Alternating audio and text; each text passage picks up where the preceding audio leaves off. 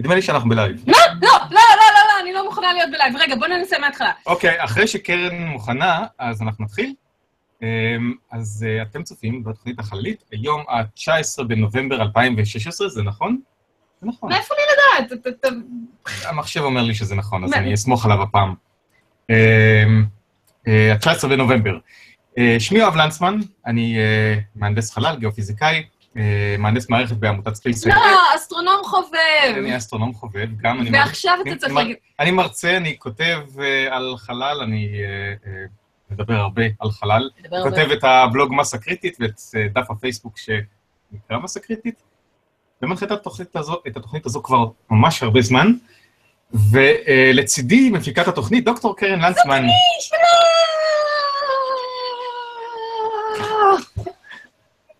אה, אה, רופאה, אה, מומחית באפידמיולוגיה ובריאות הציבור. נותנים להם לכל אחד להיות רופא, כן. נותנים לכל אחד גם לכתוב בלוג.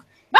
אה, אני כותבת בלוג גם? נכון, שנקרא סוף העולם מבט מהיציע, ואת הפייסבוק עם אותו שם, וכותב את הספר שמיים שבורים, אה, בהוצאת סיאל, אה, זוכה פרס גפן, אה, בחנויות הספרים. לכו אוקיי. תקנו אותו, מהר, עכשיו. אה, כאילו אחרי התוכנית. בנוסף לנו גם אה, נמצא בצוות עופר מתוקי, דוקטורנט, סליחה, כמעט אמרתי דוקטורנט, אה, פרוטו-דוקטור אה, אה, עופר מתוקי מהאוניברסיטה העברית, אה, אה, חוקר בתחום אסטרופיזיקה וקוסמולוגיה, אה, וחתול, שאני לא זוכר מה שמו. לא, אבל הוא לא דוקטורנט.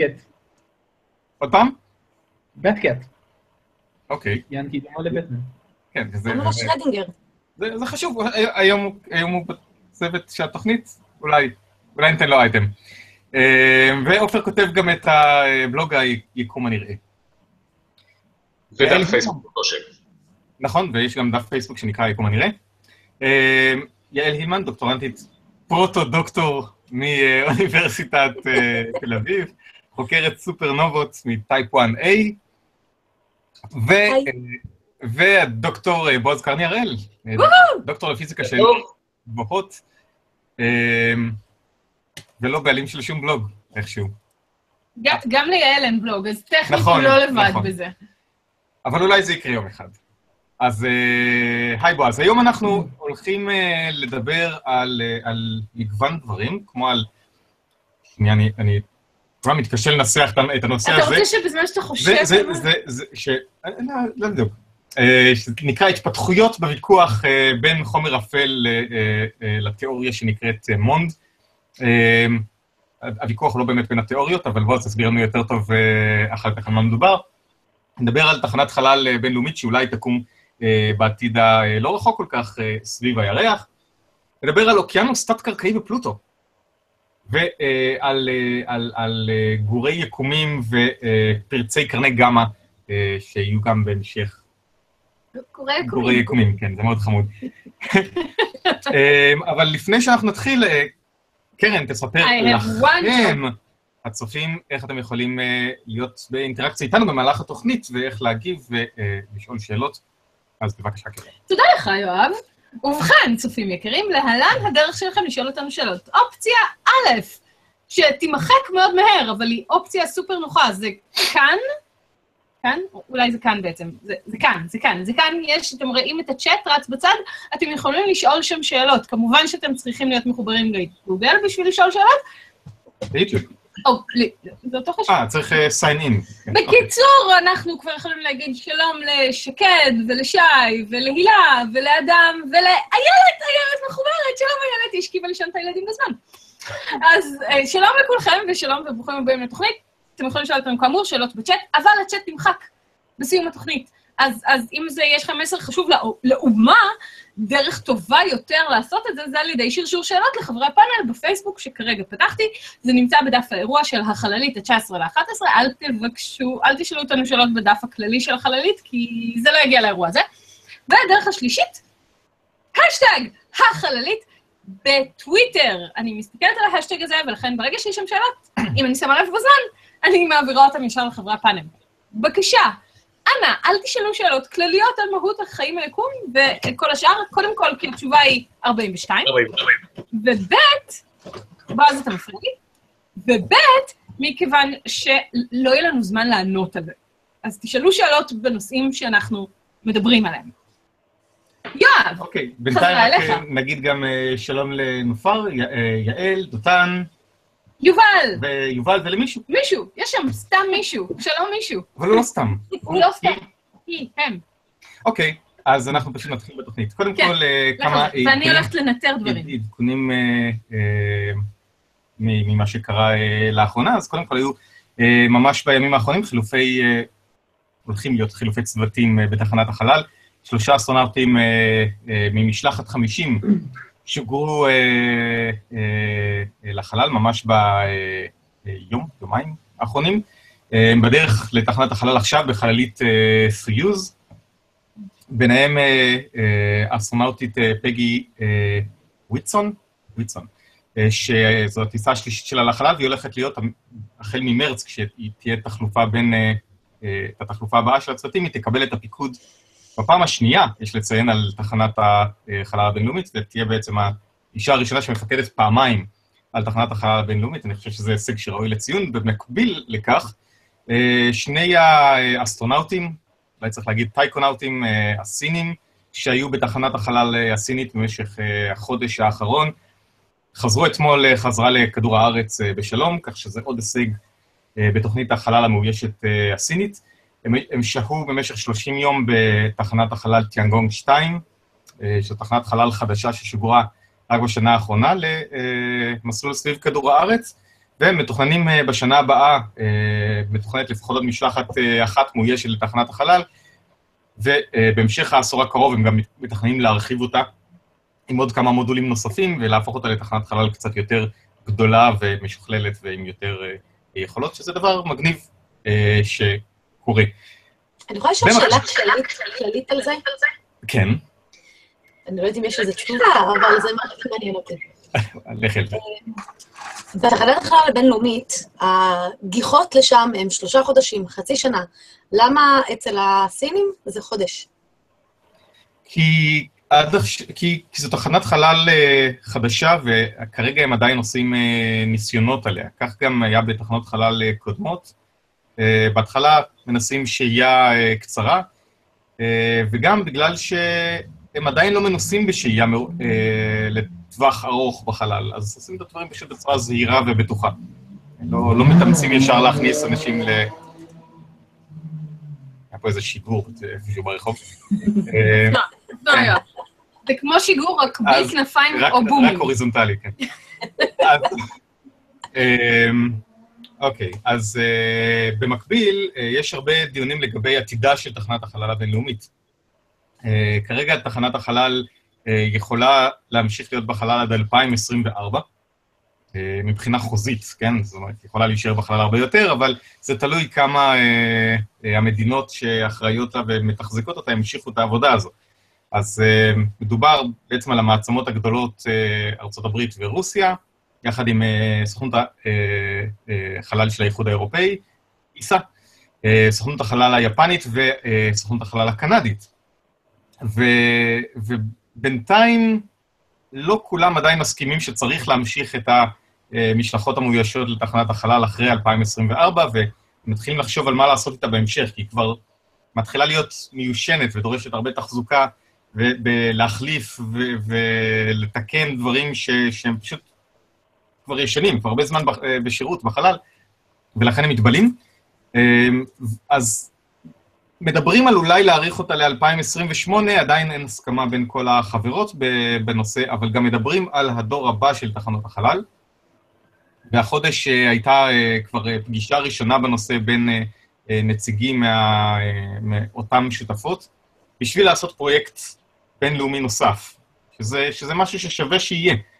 והקפיצת מדרגה הבאה אה, שעליה מדובר זה תחנת חלל אה, כנראה לא כל כך גדולה כמו תחנת החלל הבינלאומית, אבל שתהיה במסלול אה, קרוב לירח, שזה הולך להיות מאוד מגניב, כי זה יאפשר לשרת משימות חלל מאוישות או רובוטיות שיקרו על הירח, התחנת חלל הזו כנראה תקיף את הירח, למרות שזה עוד לא לגמרי ברור, כי יכולות להיות... אה, אפשר לשים אותה עקרונית גם בכל מיני נקודות שיווי משקל במסלול אה, שקרוב לירח, נקודות שיווי משקל מבחינת כבידה. אה, וכבר יש התחלה של אה, רעיונות, ש... שהבסיס שלהם זה שהרוב של תחנת החלל יהיה אמריקאי, יוטס על ידי טילי ה-SLS החדשים שנאס"א כרגע מפתחת, יחד עם חלליות אה, האוריון שיתחילו להיות מבצעיות ממש כבר בשנים הקרובות, אה, ויתחילו להטיס אנשים, אה, בעיקר אמריקאים, לחלל, מה שכרגע אין כזה שירות. אה, והאירופאים גם הולכים לתרום לזה את החלק שלהם, והיפנים גם עם מודולים שלהם ותוכניות איך להעביר אספקה לתחנת החלל הזו. ו, אה, והרוסים מצידם, שהם כנראה החלק הכי לא, אה, הכי פחות יציב מבין כל הקבוצה הזו, אה, כרגע אה, הולכים לייצר את, ה, אה, את האיירלוק, שיהיה חלק מין מודול קטן של תחנת החלל, שיאפשר לחלליות אספקה אה, לעגון שם, וגם לאסטרונאוטים לצאת החוצה להליכות חלל בשביל לבצע כל מיני פעילות מחוץ אה, לכלי הטיס הזה. אה, אבל אה, כרגע עדיין תוכניות מאוד ראשוניות, ואנחנו אה, נוטים לדעת מה, מה הולך אה, לקרות בהמשך. כי הלוח זמנים של זה אה, מדבר על זה שיתחילו את הבנייה של זה אה, רק ב-2023 בערך, אה, כך שהיא תהיה מוכנה לא לפני 2028. זה עוד לא כל כך הרבה זמן מבחינת תוכניות חלל גדולות.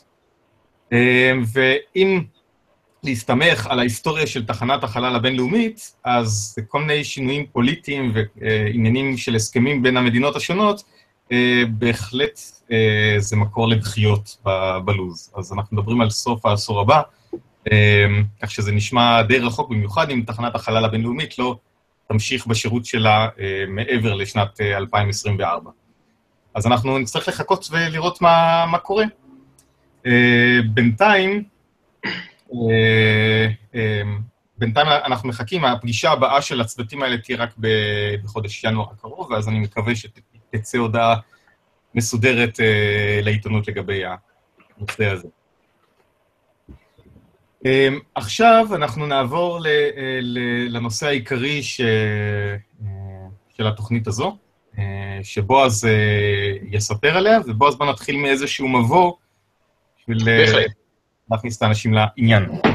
ותזדרז כי הבייביסיטר בדיוק הלכה, היא לא תעיר לך עכשיו על מילים גדולות, אז כדאי. אבל אני מצד שני כנראה אפריע לך באמצע, כי זה בכל זאת קרוב מאוד לתחום שלי. קדימה, קדימה, להתחיל.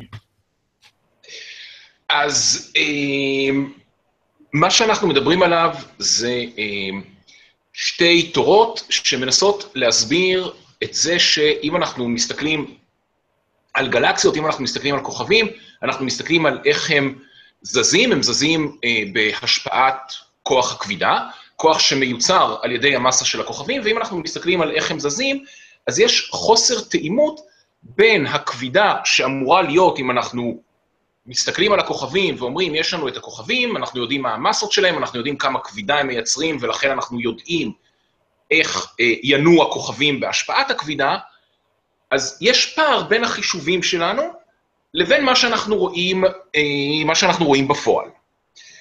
ואז אה, נעשו ניסיונות להסביר את הפער הזה.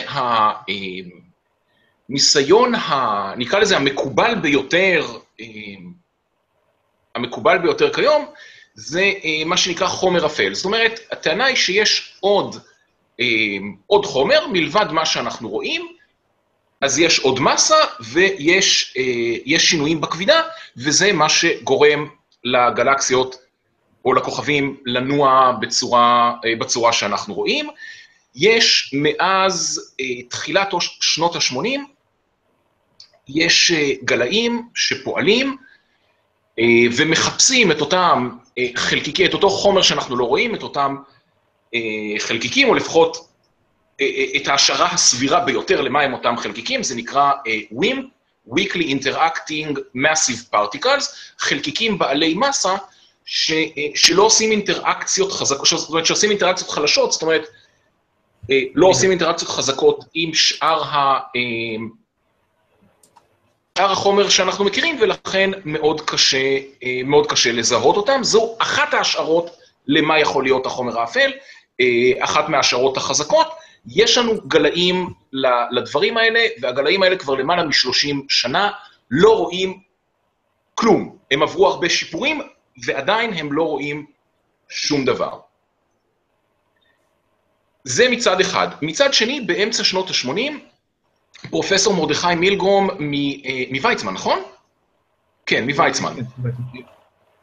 ממכון ויצמן, העלה אה, הסבר אחר להתנהגות המשונה של תנועת הכוכבים, אה, ומה שהוא אמר זה שבעצם אנחנו לא, אנחנו לא אומרים שיש חומר נוסף שאנחנו לא רואים, אלא שאנחנו אומרים שהכוח הכבידה נהג אחרת ממה שאנחנו חושבים.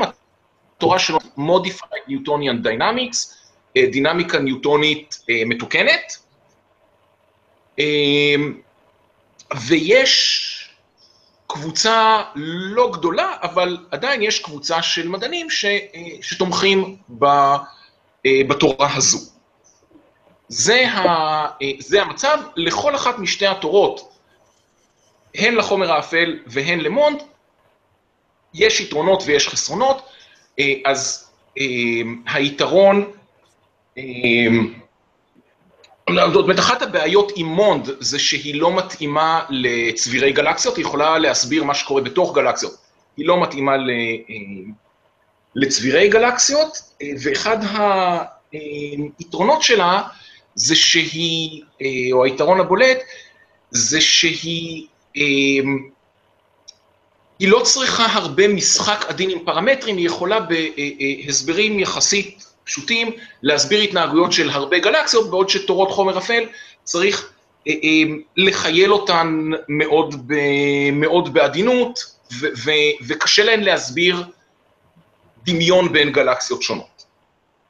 זה המצב נכון ל... אה, כלומר, ז, ז, זו הפתיחה, זה, ה, זה הרקע ש, אה, שעליו אנחנו מדברים. עופר, אפשר אה, רגע, עופר, אפשר, להעריך או, או לה- להגיד אולי באופן ברור, האם יש קונסנזוס, או לפחות, האם רוב האסטרופיזיקאים אוקיי. תומכים על זה או אז אחר? הקונצנזוס by far, כלומר, אנחנו מדברים פה על, לדעתי, מעל 95, אפילו מעל 99 אחוז מהקוסמולוגים הפעילים.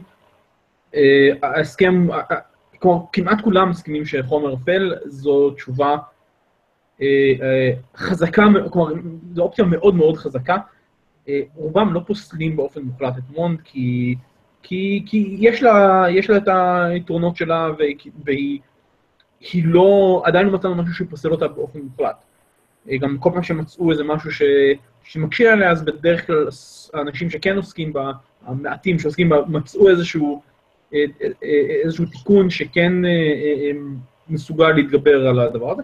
אבל אין ספק שלחומר אפל יש היום יתרון מאוד משמעותי על, על, על מונד, או האמת האמת שהיום אנחנו כבר לא מדברים על מונד, אלא אנחנו מדברים על כל מיני פיתוחים יותר מאוחרים שלה, כי מונד עצמה היא מאוד פשטנית, כן, אני, אני, אני תכף אדבר על... אה, אוקיי. על אז. אז היתרון העיקרי של, של, של חומר אפל זה שהוא מסביר הרבה יותר תופעות.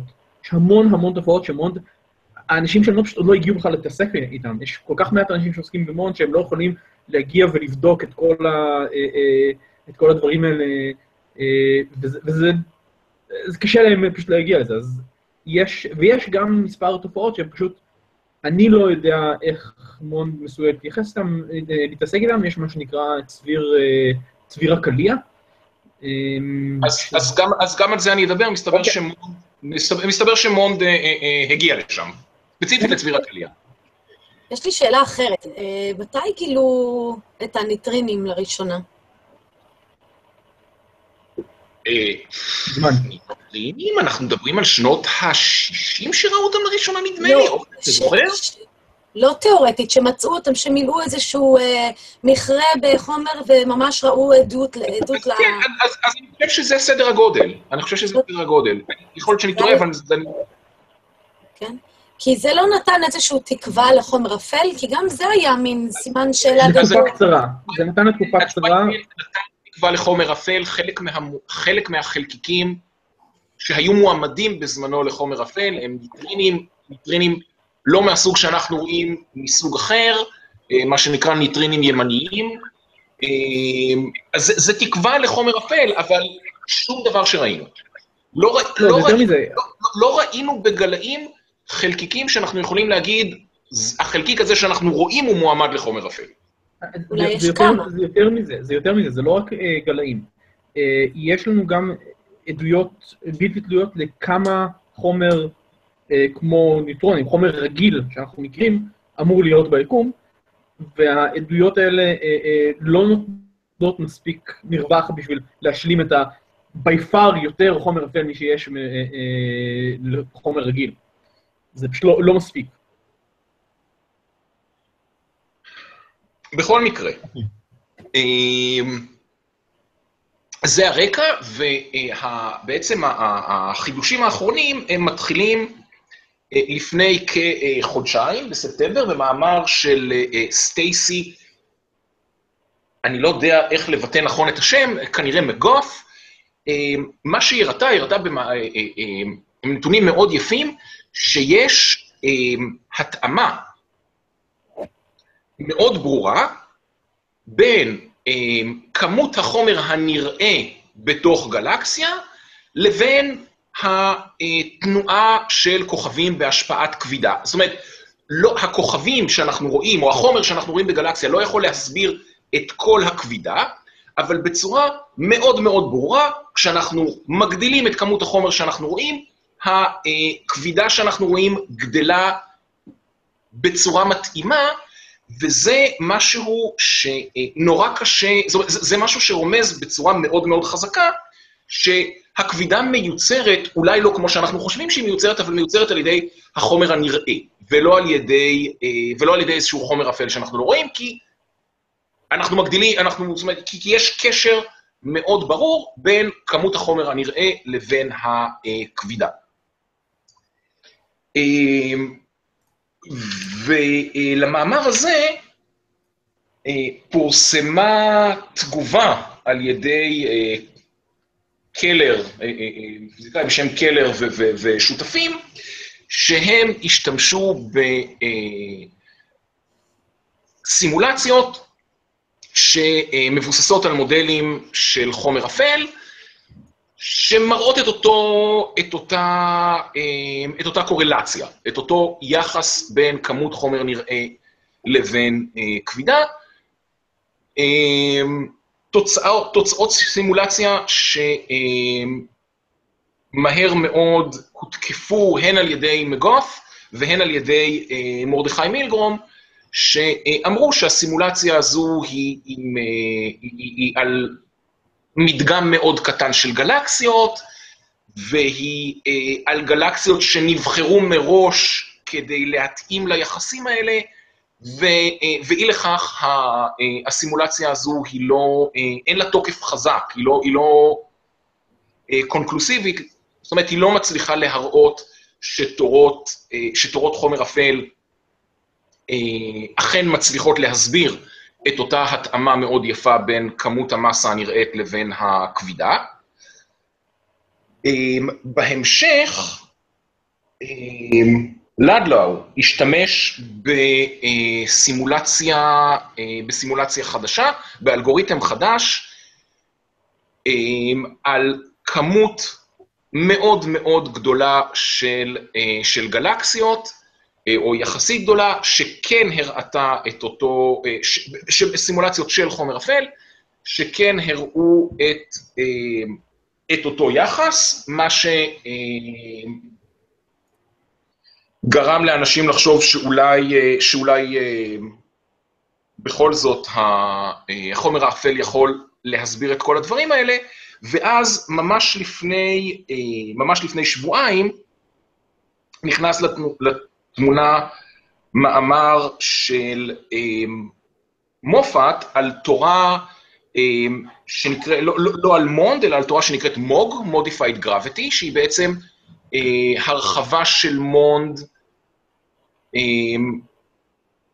הרחבה של מונד שהיא דומה לצורה שבה היחסות, תורת היחסות הכללית מרחיבה את אה, תורת הכבידה הניוטונית, והוא אה, בסימולציה שלו טיפל בהרבה מאוד אה, בעיות של המונד, הוא הראה, ש, אה, הוא הראה שהתורה שלו אה, מסבירה יפה התנהגויות של צבירי גלקסיות, כולל, ה, אה, אה, כולל הגלקסיות, אה, כולל הצבירי צבירי קליע, שעופר דיבר עליהם, אבל יש, לסימו, יש לחישובים שלו, יש לפרדיקציה שלו איזושהי בעיה, איזושהי אי-התאמה בחיזוי התנועה של הכוכבים החיצוניים בגלקסיה, בשוליים של הגלקסיה. התנועה שלהם לא כל כך מתאימה, אה, לא כל כך מתאימה לתיאוריה שלו, וזה המצב שאני יודע עליו נכון לעכשיו. זאת אומרת, היה פה, הנקודה המעניינת שהייתה פה הרבה מאוד התעוררות. זאת אומרת, היה פה אה, מאמר לפני כחודשיים שנתן רוח גבית מאוד חזקה לאנשים, למדענים שמצדדים במונד, והוויכוח הזה התעורר בצורה שהיא משמעותית יותר חזקה ממה שראינו אה, כבר הרבה זמן. עם קפיצות, אה, קפיצות מדרגה במונט שמסבירות דברים שלא הצליחו להסביר אז, אז, אז רגע, בוא... עד היום. אה, תסביר למי שהוא לא מ, אה, כל כך בתוך העולם האקדמי, מה זה אומר כש, כש, כש, כש, כשזה מתעורר, כשנושא חדש מתעורר, חוץ מהרבה ציוצים בטוויטר אולי. אז כשנושא חדש מתעורר, זה אומר שזה מתחיל לעניין אנשים, זה אומר שמתבצע יותר מחקר בתחום, זה אומר שאנחנו יכולים לקבל יותר ידע, זה אומר שיותר קל לקבל תקציבי מחקר לדבר הזה, זה אומר שיותר קל אה, אה, לגייס סטודנטים, דוקטורנטים, ש, אה, שיעסקו בזה, ובסך הכל זה דבר טוב, כי זה אומר שזה מגדיל את גוף הידע שלנו ויוכל לסייע אולי להכריע. יכול להיות שבעקבות הרבה מאוד מחקר על, אה, על מונד ועל מוג, יגידו, טוב, עשינו הרבה מאוד מחקר, ובעקבות זה כנראה, ש, אה, כנראה שהתורות האלה לא מחזיקות מים. זה יכול לקרות, אבל אה, יש יותר מחקר וזה דבר מאוד טוב. אנחנו כבר במצב הזה, כי קודם עופר תיאר את זה בתור קונצנזוס לטובת החומר האפל. כן, כן, המצב כרגע הוא, למונד המצב הוא לא משהו, אני כשחיפשתי איפה להתחיל תואר שני, אני מאוד מאוד התעניינתי במון באותה תקופה, והלכתי לוויצמן ליום פתוח, ולא פגשתי את, את מילרום, אבל פגשתי את טל אלכסנדר, ש... ו... ו... ומה ששמעתי היה שמילרום לא לוקח סטודנטים לתואר שני על מונד, כי זה גומר להם את הקריירה. כאילו, אם אתה סיימת על מונד, אין לך כל כך לאן להמשיך. עכשיו, זה לאו, זה גם עניין פוליטי, כי אנשים לא אוהבים לקחת אה, דברים שמתחרים בזה, אבל זה גם עניין טכני, אם אתה עשית את כל, ה, אה, אה, את כל ההתמחות שלך בתורה הזו, ואחרי זה אתה רוצה להמשיך למקום שבו לא משתמשים בזה, אין לך את הכלים, חסר לך כלים בשביל לעבוד איתם.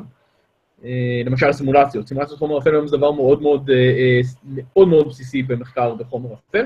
כמובן, צריך לציין שהיום אחד הדברים הוא שכבר לא מדברים על סימולציות של חומר אפל בלבד, אלא סימולציות של חומר אפל וחומר בריוני, חומר רגיל, אה, שזה הופך את הסימולציות להרבה הרבה יותר מסובכות, ולכן לקח המון זמן עד שהגיעו למצב שבו יש סימולציות שבאמת יכולות אה, לעשות, להסתכל על הרבה גלקסיות, שיש בהן גם חומר אפל וגם אה, חומר רגיל, וזה מאוד מאוד שינה את התפיסה ברגע שהגיעו לזה. יש היום, יודעים שלמשל במרכזי גלקסיות, איפה שהייתה בעיה מאוד מאוד גדולה להסביר את, ה, את, את התפלגות המסה ב, רק, על בסיס, רק על בסיס חומר אפל, אה, ברגע שהוסיפו את החומר הבריון, פתאום דברים השתנו.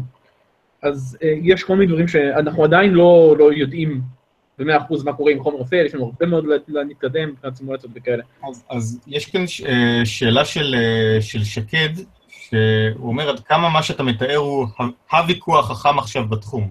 זה משנה הלכי רוח או נשאר איזוטרי? זה משהו... שאלתי עכשיו, אבל... זה, זה, זה משהו שנורא קשה לדעת עכשיו, זה משהו שאפשר יהיה, כן. אה, זה משהו שאפשר יהיה לדעת בדיעבד האם זה שינה אה, אה, הלכי רוח.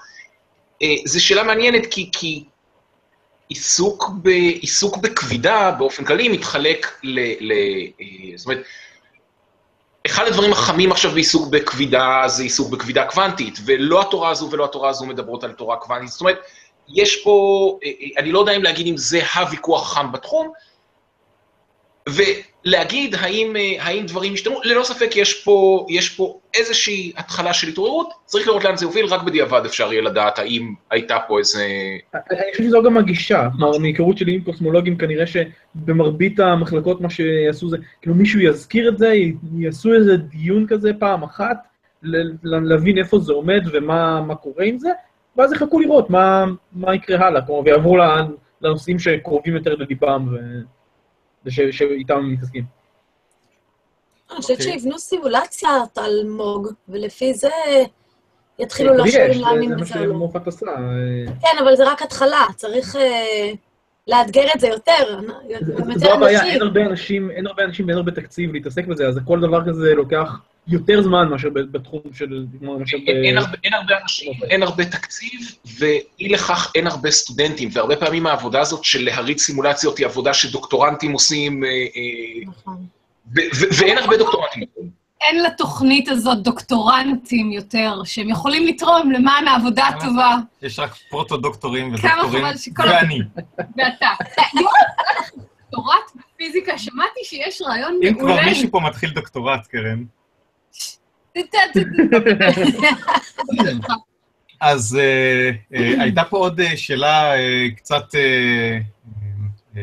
בצד של הנושא הזה, של בני פלקוביץ', שואל אם יש איזושהי השפעה צפויה לחומר אפל חוץ מצורה ותנועה של גלקסיות? יותר לעופר אולי? עופר, אני חושב שזו שאלה אליך. אה, תראה, יש... אה, זה, זה, זה, זה, זה הדבר העיקרי, אבל, אבל הדבר הזה מתחלק להרבה מאוד דברים. אה, אני, אני, קודם כל יש את העניין של, אה, של המסה עצמה. אנחנו אה, באמצעות אה, עידוש כבידתי, אנחנו רואים, בעיקר בצבירים, צבירי גלקסיות, שהמסה שלהם היא הרבה יותר גדולה ממה שאנחנו מסוגלים לספור על פי החומר הנראה. אה, זה כבר עדות מאוד מאוד טובה לחומר אפל. אה, יש את אה, אה, צביר, צביר הקליע, או צבירי הקליע בעצם, זה שניים, אה, שזה, אה, אין לי כרגע תמונה של זה, אבל בעיקרון זה אה, שני צבירים שחלפו אחד דרך השני, ומה שמסוג... שרואים, רואים שהאור הנראה שאנחנו רואים, והקרינת ה... אה. אה, הקרינת, קרינת הרנטגן שאנחנו רואים, מגיעים משני אזורים שונים בכל אחד מהצבירים. עכשיו, האור הנראה מגיע מהכוכבים, שהם אה, אה, לא כל כך מושפעים מ, אה, מ, אה, מהמעבר אחד דרך השני, כי הם מושפעים רק מכבידה, והקרינת רנטגן מגיעה בעיקר מגז, שהוא מאוד מושפע מה, מהמעבר, ובעצם אנחנו רואים שהאור הנראה מגיע יותר מהאזור, ש, אה, איפה שאנחנו רואים שיש יותר מסה. זאת אומרת, אם אני זוכר נכון. אה, אה, בקיצור, יש שם, יש שם תצפית שמאוד מאוד מציבה מכשול מאוד רציני למון. אני מאוד מאוד סקרן לראות באמת איך הסימולציות של, של המוג מסבירות את זה, כי זה באמת, כשהסתכלתי על זה אז, היה משהו באמת מאוד, אה, שנראה כעדות מאוד טובה לחומר אפל. אני כן אגיד רק עוד דבר אחד, שיש לי פה השפעה, זאת אומרת, אם נמצא חומר אפל, אז החומר שנמצא, יכול להיות שזה יהיה חלקיק חדש, חלקיק שאנחנו לא מכירים, ואז תהיה לזה השפעה מאוד גדולה על מודלים של חלקיקים אלמנטריים, אה, או יכולה להיות לזה השפעה מאוד גדולה על מודלים של חלקיקים אלמנטריים. שוב, נאלץ אה, לחיות ולראות. אמ, אוקיי. עוד אה, שאלה אחרונה על אה, חומר אפל, האם החומר האפל נמצא בתוך הגלקסיות או משהו שמושך את הגלקסיות מבחוץ? גם וגם. גם. אה, ח- חומר אפל הוא בעיקרון כאילו מקיף את, ה, את הגלקסיות, אבל הוא, permeates, הוא, הוא אה, נמצא בכל האזור, כולל האזור של הגלקסיה. יש מה שנקרא הילת חומר אפל, זה אה, משהו שהגלקסיה נמצאת בתוכו, מוקפת, וב- כלומר זה כמו ענן של, שהיא נמצאת בתוכו, של חומר אפל. אז זה גם נמצא בכל מקום בין כוכבים גם. זה, כן, אבל זה תלוי, אנחנו לא יודעים מה המסה של חלקיק של חומר אפל, אז יכול להיות שיש, את יודעת, אחד ב- ב- בפרסק רבוע, או המוני, קשה לנו מאוד לדעת.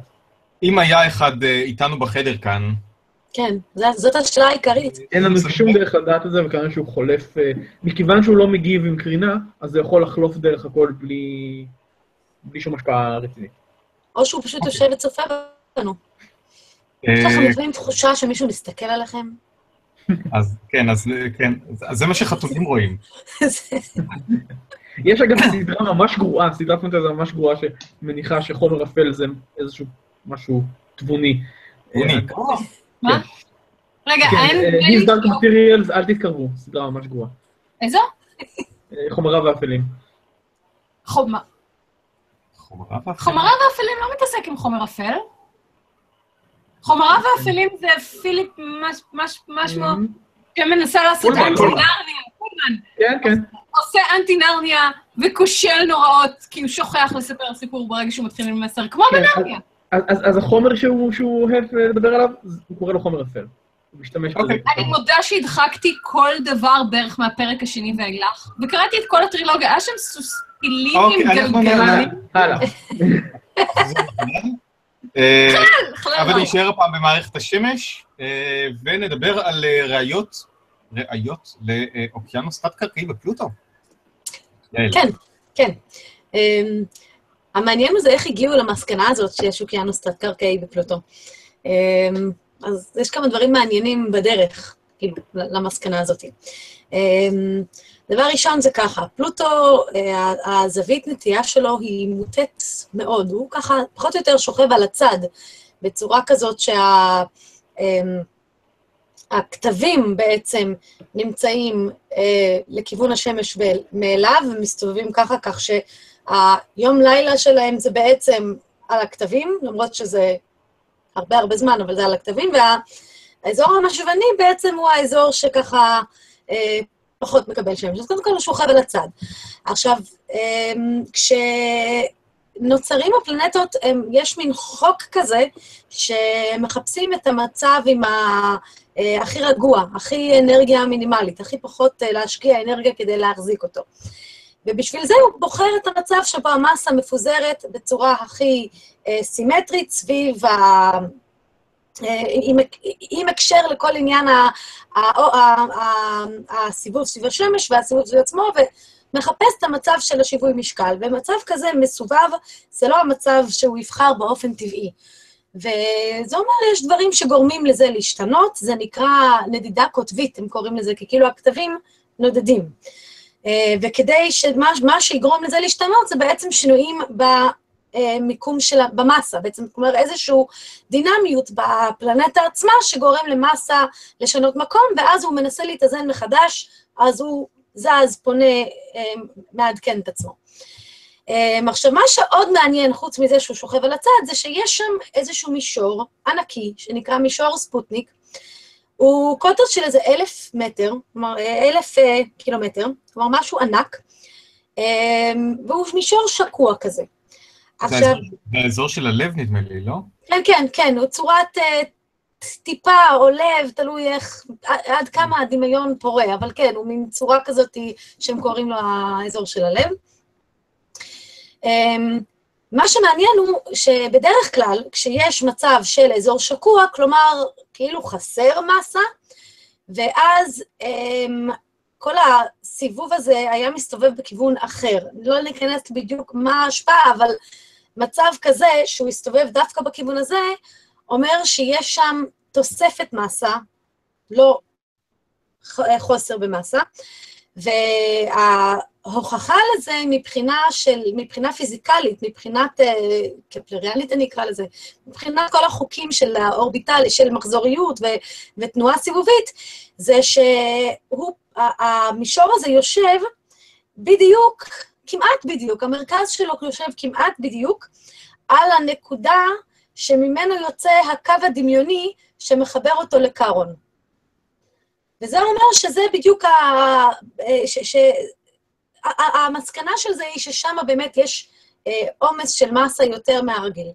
יותר, יותר ממה שהיה בהיווצרותו, נגיד ככה. עכשיו, אה, בדיקות שם מראות, אה, רואים שם מניו הורייזן, זה שיש שם באזור אה, העשרה בחנקן, אני חושב, אה, כן, בעיקר בחנקן, העשרה, אה, קפוא כמובן. אה, וההנחה היא שזה כל פעם שפלוטו חולף קרוב, כל, כל פעם שהאזור הזה נחשף לקרינה מהשמש, איזשהו חנקן ככה מבעבע מלמטה וממריא, ואז כשזה מתרחק מהשמש זה כופה חזרה ונשאר שכבה. שוב, עוד סיבוב, שוב זה קורה. עכשיו, התיאוריות אומרות שהצטבר שם שכבה מספיק עבה, זה יתחיל לגרום לכל העסק הזה לטעות. ואז צריך לבדוק את התיאוריה הזאת. זה, זה כאילו התיאוריה נכונה, השאלה אם זה מספיק בשביל לעשות את ההטיה הזאת בפלוטו. אז הלכו והכניסו נתונים למודל, אה, לתוך אה, סימולציות. אה, הנתונים היחידים באמת שיש זה המרחק מקרון, הרדיוס, המסה, אה, מבחינת הרכבים ודברים כאלה לא היה. אה, אז עכשיו יש דברים שהם השאירו בתור פרמטרים חופשיים ושיחקו עם זה כמובן, אבל המסקנות בסופו של דבר היו שבשביל שכל זה יקרה וייטע בצורה כזאת, היה צריך שיבעבע שם כמות עצומה של חנקן. אני, אם אני זוכרת נכון, 40 קילומטר, משהו כזה, כמות שלא סביר ולא קרה. אה, ואז הם הכניסו עוד איזושהי תיאוריה של אוקיינוס תת-קרקעי, כי אם יהיה שם אוקיינוס תת-קרקעי אה, בדיוק מתחת למישור הזה, אה, גם זה מסביר שחומר מבעבע החוצה, אבל זה גם מסביר תוספת של מסה באזור הזה. וכשהכניסו את, את הפרמטר הזה למודלים, גילו שזה יכול לקרות עם הרבה הרבה פחות מסה שיוצאת החוצה וקופאת שם של חנקן. עכשיו, אז זה נורא נחמד, כי זה אומר לנו שאולי יש שם אוקיינוס תת-קרקעי, וזה מסביר את הסיבה שפלוטו פנה על, על הצד, אבל אה, צריך עוד כמה דברים כאן לבדוק, וזה עוד יותר מעניין, שבשביל שימשיך להיות פעילות שם ושחומר יבבה החוצה, האוקיינוס הזה צריך להיות לא לחלוטין קפוא. הוא צריך להיות איכשהו ברמה מסוימת של עוד קצת תנועה, של קצת נוזלים. אה, אז מניחים שמה שיש שם זה כנראה מים בתוספת, משהו בסגנון אה, מתאן. אה, אה, וגם חומר רדיואקטיבי שהדעיכה שלו מחממת את כל העסק, ובגלל זה זה עוד לא קפא. המתאן יש לו טמפרטורות קיפאון מאוד מאוד נמוך, ולכן הציעו מתאן, אבל הם לא סגורים דווקא על... סליחה, לא מתאן, אמוניה. CH4? אמוניה, נכון? נראה לי אמוניה. CH4. הם uh, הציעו בתור רעיון, אבל uh, הם לא נעולים על זה. הם אומרים, יש שם איזשהו חומר אנטי-פריז, הם קוראים לו, בתוך המים, כדי לעזור לו להישאר במצב לא כפול לגמרי. Um, ו... אבל העניין הזה, אה, אוקיי, אז זה מסביר את זה, מסביר את הביעבוע, מסביר את הנטייה, וזה מסביר גם עוד משהו נורא נחמד. הרי נכון שיש איזושהי אה, דעיכה רדיואקטיבית שמחממת את האוקיינוס ומונע ממנו קיפאון טוטאלי, אבל זה הולך ודועך ומתישהו זה כן נקפא. וזה בעצם במצב של קיפאון איטי מאוד מאוד. וכשמים קופאים הם, הם, הם, הם, הם מתפשטים, נכון? כן, קרח תופס יותר מקום ממים, וזה מסביר אה, כל מיני שברים שרואים על פני השטח של פלוטו, כי בעצם האוקיינוס הזה אה, נעול מתחת לפני השטח, וההתפשטות שלו בעצם אה, מותחת אותו ויוצרת שברים על פני השטח. אה, אז, אז זהו. אז יש אוקיינוס, וזה מסביר כמה וכמה דברים בו זמנית בתיאוריה הזאת. אז, אז קודם כל, רק נתקן שהתכוונת קודם למתאן.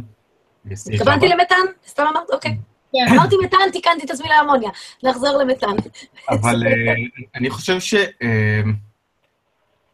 העיקר uh, בנושא הזה מבחינתי זה ש, שאנחנו למדנו כזו כמות של, קיבלנו כזו כמות של מידע ממעבר בודד של חללית ליד, uh, ליד הכוכב לכת הננסי הזה. זה, זה, זה ממש, ממש מדהים לראות את זה.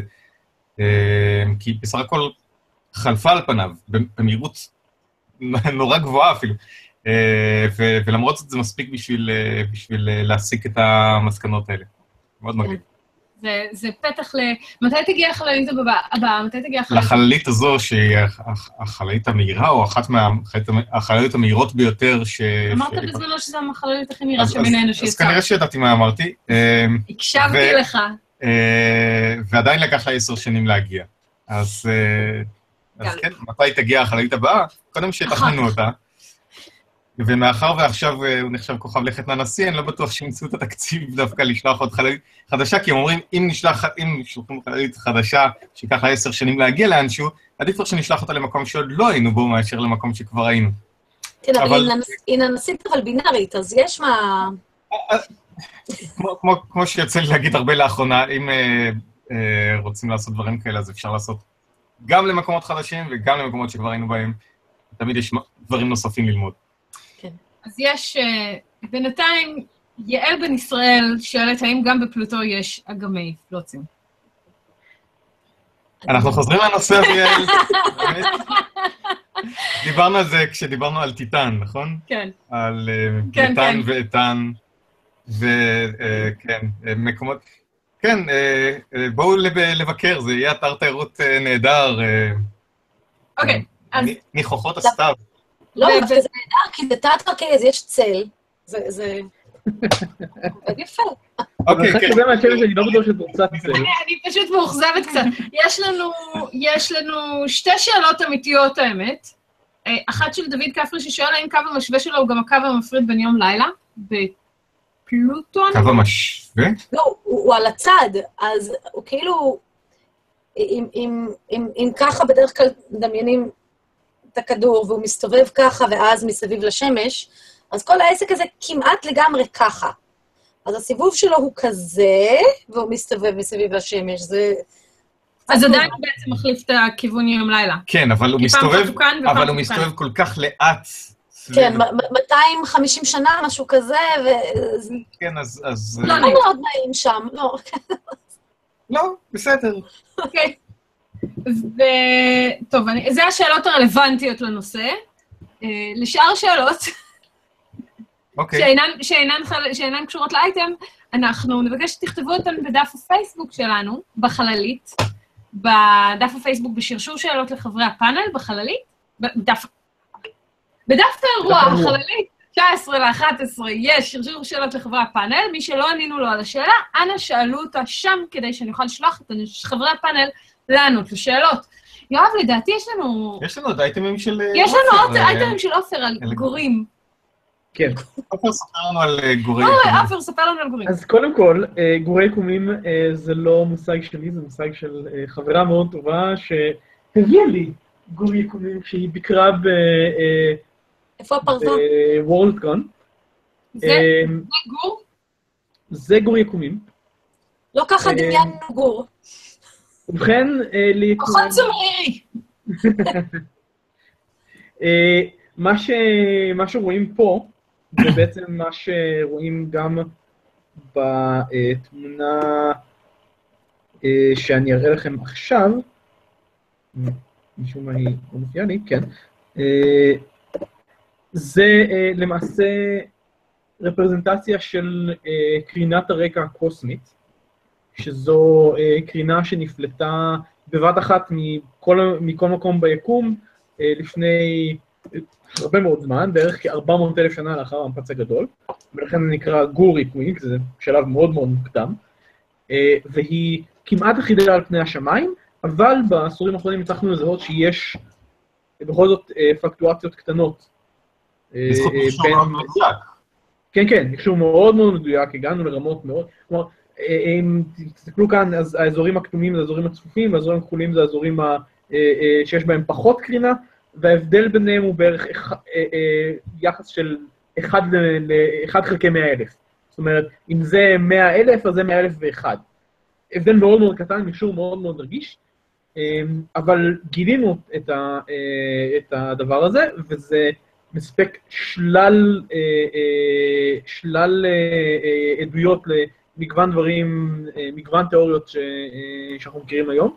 הרבה מאוד אה, מדע בקוסמולוגיה מגיע מזה, ועכשיו קבוצה של מדענים מלונדון קולג', University College לונדון, הם יצרו את המודל התלת-ממדי שהראיתי לכם קודם, והם שחררו את התוכניות לאינטרנט, ככה שכל אחד יכול להדפיס לעצמו אם יש לו מדפסת תלת-ממד. וזה ממש ממש מגניב. אני אסתפק ב... בייצוג המתנפח שלי. אוקיי. אם תנפח אותו עוד, כבר לא יהיה גור. אה, כן, ואל תאכיל אותו אחרי חצות. אה, אוקיי, ומה חדש בנושא קרני הגמא? אה, האמת שקרני הגמא פחות חדש, מה שחדש זה נושא פרצי רדיו מהירים. אה, פרצי רדיו. מהירים זה משהו שאחת השאלות הפתוחות המאוד מעניינות באסטרופיזיקה היום, זה דיברנו רדיו... עליו בתוכנית כבר כמה פעמים גם. כל פעם אנחנו כן, עושים עליו דיברנו פלו-אפ, כן. בתוכנית. הם, אה, אה, אה, אה, רדיו באורך של מיקרו שניות בודדות. מאוד מאוד קשה אה, לגלות אותם, כי צריך בדיוק להיות מכוונים לאזור שממנו הם מגיעים. עד היום יש לנו סך הכל 17 אה, אה, עדויות כאלה, ואין לנו מושג בעצם מה הם, יש כל מיני תיאוריות, אה, אבל עד היום לא הצליחו לקשר אותם לשום דבר שרואים בשמיים. אה, ועכשיו הקבוצה של מדענים עברה על הרבה מאוד מידע אה, עבר. לגבי סוגים שונים של, של אירועים עם הרבה אנרגיה שראינו בשמיים, והצליחו לקשר אירוע אחד של התפרצות גמא לאירוע מסוים של, של קרני, פרץ רדיו מהיר. וזה מאוד מגניב, כי זה אומר שיש לנו עכשיו עוד מידע על, ה, על הדברים האלה, וזה פוסל חלק מהתיאוריות, או לפחות גורם להן להיות הרבה פחות סבירות. אה, תיאוריות שהן, בעיקר תיאוריות שיש? להן, אמרת שהם קישרו בין, בין גמא לרדיו פה? בין התפרצות גמא ספציפית לפרץ רדיו אה, מהיר ספציפי. הגיע מאותו, מאותו כיוון בשמיים בעצם? באותו זמן, כן. באותו זמן. אני לא מאמינה זה- שאתה מדבר על זה כבר כל כך הרבה זמן ועוד לא אמרת חייזרים. זה נכון, זו אחת התיאוריות המאוד אהובות. מה, זה חייזר שמה הוא עושה? הוא, הוא מקשיב לרדיו ומשחק עם אה, חומרים... אה, עובד רדיו. חוברת רדיו. יאללה, הכל אני צריכה להסביר לכם, באמת. התיאוריה שלי, התיאוריה שלי זה שזה חייזר שמאוד לא אוהב את שידורי הרדיו של התחנה המקומית, ולכן מפציץ אותה מנסה להשמיד. זה נשמע כמו, זה נשמע נכון. אז מי- עובד על התחום הזה כרגע? מי עובד על התחום הזה? איך- חוקרים אותו? זה עם טלסקופי רדיו, אני מתאר לעצמי. אמ, זה תחום שבעייתי לחקור, יש בעיקר, כרגע בעיקר, אה, אה, התגליות הן מקריות, כלומר, אתה, אי אפשר לדעת מאיפה זה יגיע, כי אנחנו לא יודעים מה זה, אז כשיש אירוע כזה שהתגלה, בדרך כלל בדיעבד, בדאטה של אה, טלסקופים, אז יש אנשים שיושבים מעלים תיאוריות וכותבים מודלים או סימולציות בשביל לראות האם זה באמת, הרעיון שלהם באמת יכול לתת את, הסיגנטורה, את אה, אה, מה שראינו באמת בהתפרצויות האלה. אבל גם, היה. מין חד פעמי כזה? גם, גם מצאו... כן, כן. אה, ולכן ההשערה היא שבעצם, אה, כנראה שה... מה שזה לא יהיה שיוצר את הפרצים האלה, הוא כנראה הרבה יותר חזק ממה שמרבית התיאוריות שהראו קודם, סופרנובות או דברים אחרים בסדרי גודל כאלה. אה, אנחנו נראה בהמשך, אני מניח שהם ימשיכו לי לחפש. אוקיי? אמ, אנחנו אה, מגיעים לסוף התוכנית, ולפני שניפרד, אה, רוצה לספר על משהו חשוב שצריך לדעת לקראת סוף השנה? משהו חשוב. מה זה יכול להיות? קודם כל, יש תמונות של גורים צמריריים בשרשור שאלות הפייסבוק. כן, זה הגיע לידי כך. אני, רוצה, אני רוצה להודות לכל הצופים, שמה שהם החליטו לעשות עם הכוח שבידם, זה לשים תמונות של גורים. צופים. רק גורים צמריריים? וצופות, וצופות. בעיקר צופות האמת, יעל והילה. גם גורות גו- צמריריים? גורות צמריריות, יקומים צמריריים. אוקיי, בכל אופן זה א'. אוקיי, ב'. ב' ב-29 בדצמבר מגיע הכנס האהוב על כולנו, הלא הוא... מאוד. חנוכה. רק 2016 בנושא מוסד וקיסרות ייערך גם השנה בגבעת חן, בגבעת חן. מאוחר, מאוחר. גבעת רם בירושלים, ברשות לקהילה ולנוער, ובנוער שוחר מדע, בבניין ליד בניין. אנחנו היום, השנה משתלטים על שני בניינים, משתלטים. פסטיבל. בקיצור, ועמוד, דף הפייסבוק של הכנס כבר פעיל, האתר שלנו כבר פעיל, ויש בו את יומן התוכן, שבו כרגיל שולחים את הכלבלב המסכן להשיג דברים שאין ביכולתו להשיגם, כמו למשל את סלבור הרדין, שיגיע כאורח הכבוד לנהל. השגתם אותו? כל הכבוד. שקט, כרגע הכלבלב תקוע בחולית, ומנסה לגרום לדררים להפסיק להסתכל עליו בעיניים אוהדות מדי. אתם מוזמנים להיכנס, ל- לעקוב, לעשות לנו לייק בפייסבוק, גם לחללית, אבל גם למאורות, ולעקוב אחרינו, ואז אתם תדעו מתי התוכניה עולה, ועדיין אפשר להגיש אירועים. למעשה, עד מחר, לדעתי, עוד אפשר להגיש אירועים. באמת? רמז, אז כדאי שאני אעשה את זה. דק, מאוד. אוקיי. יואב, נדמה לי שרומזים משהו. לנצמן, מה זה אני יכול רק להיות? רוצה לציין שמכל חברי הפאנל יש מישהו אחד שעוד לא הגיש אירוע, וזה לא אני. ויעל. גם יעל בעצם לא הגישה אירוע. יעל, היינו צריכות לדבר. אני לא הגשתי אירוע, למעשה היחיד מחברי הפאנל שהגיש אירוע זה עופר. למעשה, אתה הגשת אירוע, פשוט מי שהגיש בשמך את האירוע, קוראים לו לנצמן קוף. אוקיי. אז אני מבין שעברנו מסגל להשכרה לברצים להשכרה? תקשיב, אוקיי, בואו אה, בואו למאורות. בואו למאורות. והחלק הכי חשוב זה, זה ב-29 בדצמבר, כאמור, יום חמישי בחנוכה, זה יום אחרי היום הולדת שלי. אז מי שלא מגיע למאורות, זה כאילו אומר, קרן, את לא חשובה לי מספיק, אני לא אוהב אותך. ובנימה אופטימית זו, וגם מי שלא מגיש אירוע, יואב. אני אגיש רגע, אירוע. רגע, כנס המדע הבדיוני הפולני הראשון בישראל. כנס הפולני הראשון בישראל. השביעו אותי להגיד עוד משהו. אה, שני הילדים שלנו רוצים למסור שהיה להם יום הולדת בשישי ב- בשבת, היה להם מסיבות יום הולדת היה להם לפני חודש, והיה להם יום הולדת מאוד מוצלח, והם שניהם רצו להודות לכל מי שבא ליום ההולדת שלהם.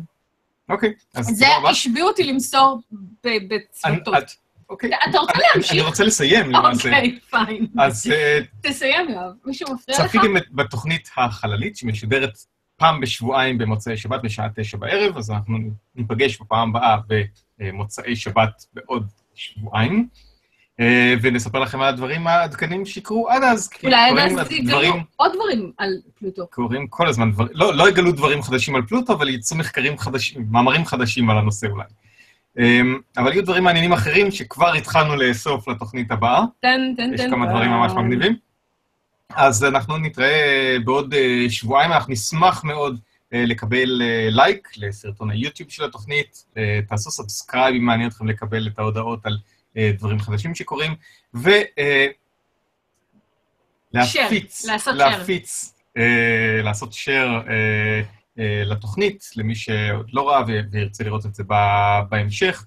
אה, אנחנו שומרים את התוכנית הזו אחת לשבועיים כבר במשך אה, למעלה. משלוש שנים, אז כבר יש אה, עשרות תוכניות. וואו, זה עוד מעט שלוש שנים וחצי, יואב.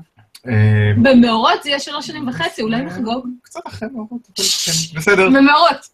בסדר. קרן תחגוג במאורות. ו... אז תעשו לנו share, תעשו לנו לייק, תעקבו אחרינו גם ביוטיוב וגם בפייסבוק, אנחנו מאוד נודה לכם אם תעשו על לסרטונים. ותודה שצפיתם בנו. וכל מי ששאל שאלות בשרשור שאלות, ואו כל מי ששמה תמונות של גורי יקומים חדשים וחמודים, we like you. ונתראה עוד שבועיים. להתראות. ביי.